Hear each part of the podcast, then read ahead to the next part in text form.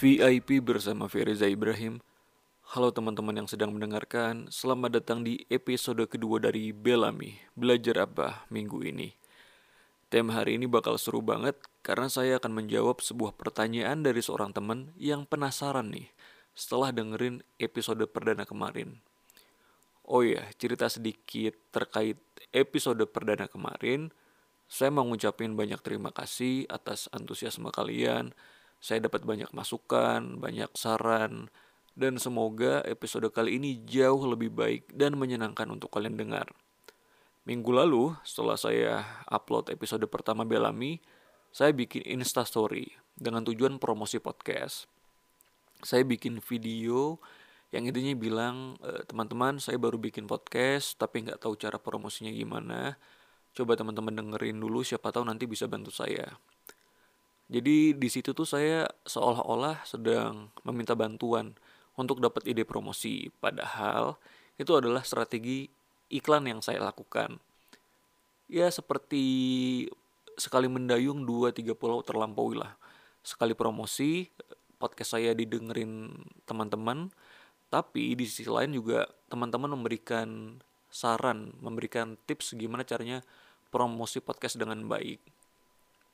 Ngomong-ngomong tentang promosi nih, tadi saya sempat singgung di awal bahwa episode kali ini saya akan menjawab sebuah pertanyaan dari seorang teman yang berkaitan dengan iklan dan promosi. Pertanyaannya adalah, gimana caranya membuat iklan yang memorable dan berkesan? Sebelum itu, sebelum saya jawab, saya yang akan memberi pertanyaan ke teman-teman. Kalau ditanya iklan, boleh itu iklan TV atau sosial media atau apa pun itu ya. Apa iklan yang paling kalian ingat? Apa iklan yang paling berkesan buat kalian? Hmm, gimana? Udah kepikiran belum? Mudah nggak kalian buat ngejawab pertanyaannya? Atau kalian tuh cukup berpikir keras tuh untuk merecall lagi iklan apa yang pernah dilihat? Kalau saya ya, jawabannya sih iklan Shopee yang 11-11. Tapi nanti akan saya jelasin alasannya kenapa. Jadi setelah di episode sebelumnya kita sudah develop produk, kita sudah mengembangkan sebuah produk, kita tahu apa yang penting bagi orang lain dan bagaimana membuat produk kita itu berbeda. Sekarang gimana sih caranya agar orang lain tuh tahu bahwa kita tuh punya produk yang bisa memenuhi kebutuhan mereka. Gimana caranya ngasih tahu orang lain bahwa produk ini oke okay loh, produk yang kita buat tuh oke untuk memenuhi kebutuhan mereka. Tentu cara yang bisa kita lakukan adalah dengan bikin iklan dan melakukan promosi. Kalau iklan itu e, adalah materi yang kita siapkan, apa yang mau kita sampaikan, formatnya seperti apa. Kalau promosi adalah ketika iklan kita tuh disampaikan atau kita sebarkan ke khalayak ramai, ke umum gitu. Makanya biasanya kita lihat iklan itu di TV, radio, sosial media, bisa ada poster, baliho. Paham ya teman-teman? Kita perlu tahu dulu nih, mengapa P penting untuk bikin iklan yang berkesan. Kenapa ini menjadi sebuah pertanyaan banyak orang? Saya rasa sih alasannya cukup sederhana.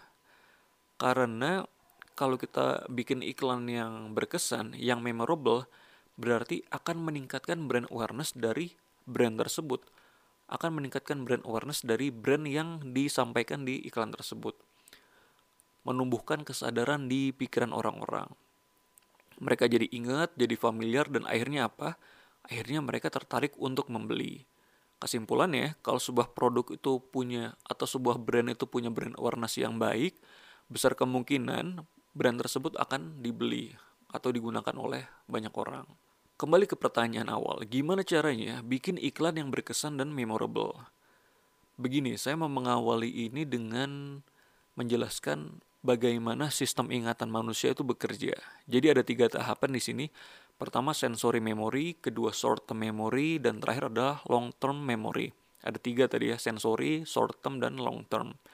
Secara ringkas aja saya jelasin, sensory memory ini adalah segala informasi yang kita terima lewat panca indera Contoh nih kalau teman-teman pengen tahu, kalau saya tanya ada berapa jumlah ubin lantai kamar mandi kalian? Ada berapa jumlah ubin lantai kamar mandi kalian? Mungkin ada yang ingat, ada yang enggak. Nah, kalau kalian nggak inget nih, itu tandanya kalian tidak menaruh perhatian ke situ.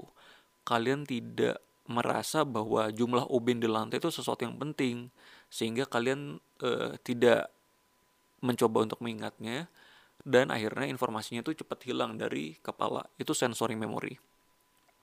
Kemudian gimana caranya supaya dari sensory memory informasinya masuk ke short term memory? Kata kuncinya adalah perhatian, attention.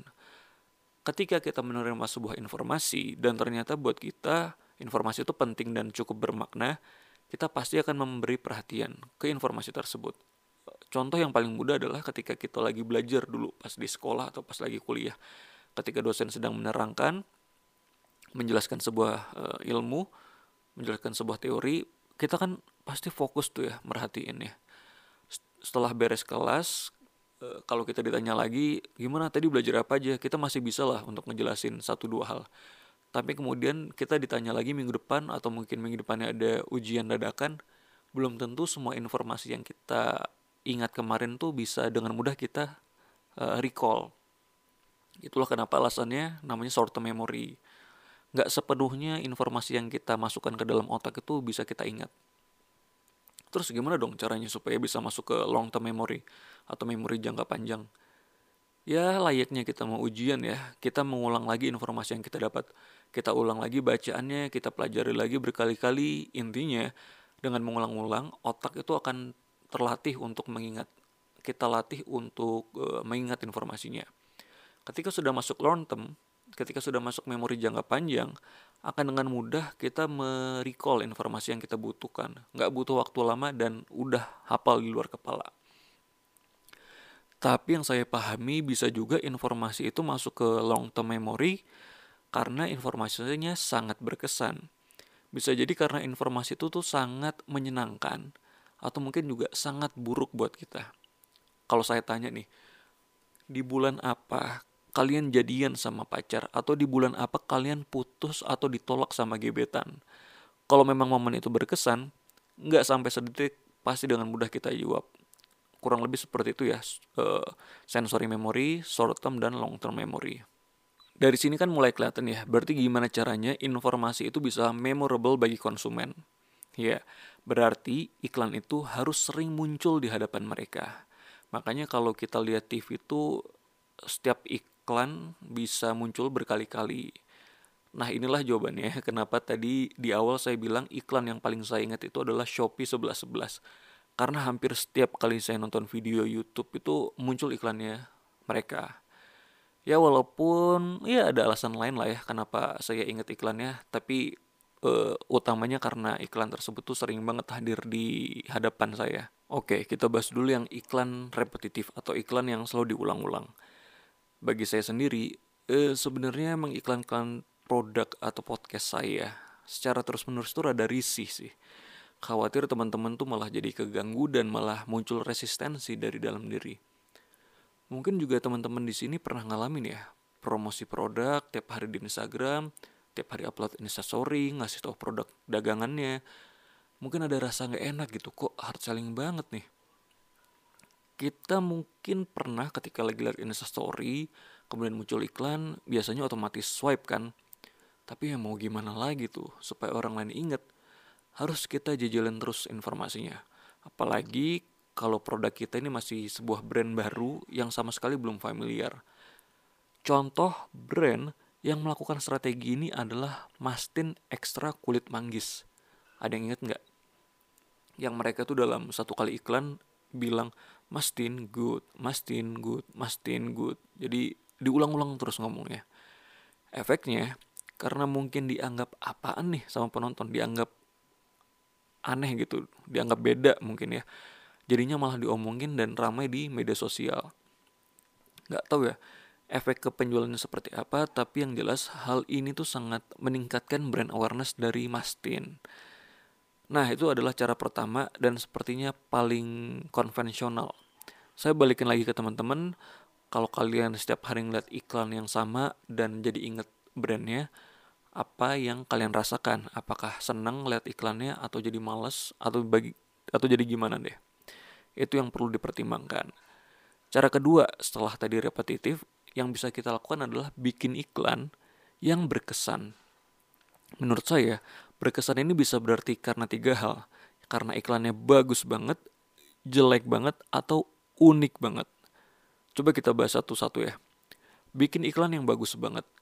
Saya rasa sih sebagian besar pemasar pasti berlomba bikin iklan yang bagus. Nggak mungkin mereka brainstorming ide, ngeksekusi di lapangan berhari-hari, revisinya berkali-kali, hanya untuk bikin iklan yang so-so lah. Ya, yang penting iklannya ada gitu, yang penting ada sesuatu buat ditampilin. Kan nggak mungkin dari awal pasti udah diusahakan untuk bikin iklan yang sebagus mungkin. Tapi coba lihat hasilnya. Berapa banyak sih iklan yang kita anggap bagus? Berapa banyak iklan yang akhirnya nempel terus nih di kepala kita? Mungkin gak nyampe 10, bahkan mungkin gak nyampe 5. Karena menurut saya, bikin iklan yang bagus itu kayak mencoba bikin konten yang viral, hit and miss. Gak bisa kita pastikan respon masyarakat akan seperti apa nggak ada patternnya nggak ada polanya dan udah terbukti nggak ada pola yang udah terbukti bisa membuat orang tuh akan terus ingat. Apalagi kalau kita bikin iklan yang bagus akan selalu ada saingannya. Karena sebagian besar orang seperti yang tadi saya bilang merencanakan hal yang sama. Jadi semakin sulitlah merebut perhatian konsumen. Itu yang pertama. Yang kedua bikin iklan yang jelek banget atau secara konsepnya disengaja untuk bikin jelek.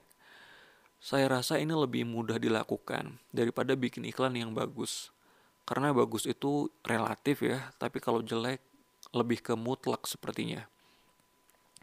Kalau orang-orang berlomba bikin iklan yang bagus, sementara kita doang nih bikin iklan yang jelek, maka otomatis akan lebih menarik perhatian penonton. Tapi ada pertimbangan dan konsekuensinya sebelum bikin iklan yang kita anggap jelek atau secara konsep jelek, kita perlu tahu identitas brand kita itu seperti apa. Kita perlu tahu dulu brand kita ini ingin dianggap seperti apa oleh konsumen. Value-nya apa? Cocok nggak kalau semua itu disampaikan dengan iklan yang jelek? Coba sekarang kita bayangkan, ada mobil BMW, mobil mewah ya. Mereka bikin iklan, adegannya ada orang nyetir mobil, Kemudian dia turun dari mobilnya seraya sambil mengacungkan jempol dan berkata, BMW mantep abis coy. Aduh, ya, gimana ya? Mungkin kalau orang-orang lihat iklannya bakal kaget dan langsung terngiang-ngiang sih. Tapi hal itu bisa, ya bisa merusak image yang dibangun oleh BMW Mungkin itu juga kenapa nggak banyak brand yang menggunakan iklan yang jelek karena bisa mempertaruhkan harga diri mereka. Sekarang yang ketiga, bikin iklan yang unik. Kalau kata Seth Godin dan selalu disampaikan berkali-kali oleh Bang Panji, sedikit lebih beda, lebih baik daripada sedikit lebih baik. Sedikit lebih beda, lebih baik daripada sedikit lebih baik nggak kita nggak bikin iklan yang bagus banget kita nggak bikin iklan yang jelek tapi iklan yang beda dari yang udah ada. Iklan yang secara konsep itu jarang orang lain lihat. Hmm coba ya kalau kalian sendiri nih pernah nggak lihat iklan yang unik dan berkesan sampai sekarang? Apa ya? Kalau saya ingatnya tuh campaign yang dilakukan sama Burger King belum lama ini. Mereka tuh uh, mempromosikan uh, makanan cepat saji lainnya. Karena lagi kondisi pandemi gini, Burger King mengajak orang-orang beli McD, beli KFC, beli geprek bensu, dan macam-macamnya lah. Justru mereka mempromosikan uh, brand-brand kompetitor. Tentu, untuk bikin iklan yang unik kayak gini tuh butuh uh, usaha yang lebih. Brainstormingnya pasti luar biasa. Belum lagi, mereka harus mengambil resiko ya. Kalau bikin iklan unik itu, resikonya adalah uh, tidak mudah untuk diterima oleh orang lain. Ya namanya beda ya. Kalau beda bisa jadi ada perlawanan dari orang lain karena ngerasa nggak sama dong. Tapi nih, kalau bikin iklan yang unik, hasilnya tuh bisa berhasil banget atau gagal banget. Nah, apa yang dilakukan Burger King tadi dengan mempromosikan eh, brand-brand kompetitor, saya rasa itu adalah sebuah langkah berani karena mereka berani ngambil resiko tapi mereka juga pintar melihat peluang dan akhirnya berhasil. Jadi tiap pilihan punya pros and cons-nya. Kalau bikin iklan bagus banget, semua orang juga bisa. Kalau bikin iklan jelek, eh, bisa merusak brand image kita. Bikin iklan bikin iklan yang unik, ya cukup sulit ya untuk menemukan yang benar-benar beda di zaman sekarang. Sebagai tambahan nih sebelum penutup, ada satu hal yang bisa memperbesar peluang supaya iklan kita itu memorable dan berkesan buat calon konsumen. Caranya adalah dalam iklan yang kita buat, fokus pada value yang ingin kita berikan kepada konsumen. Value yang ingin kita berikan kepada konsumen. Sampaikan hal yang membuat konsumen kita itu akan merasa lebih baik hidupnya setelah menggunakan produk kita. Bukan fokus pada atribut dari produknya. Coba sekarang kalian bandingkan dua hal ini ya. Ini brand yang pertama. Gunakan pasta gigi A karena telah dibuat dengan teknologi mutakhir dan diperkaya dengan vitamin C, B5, dan B12. Itu yang pertama. Ini sekarang yang kedua nih.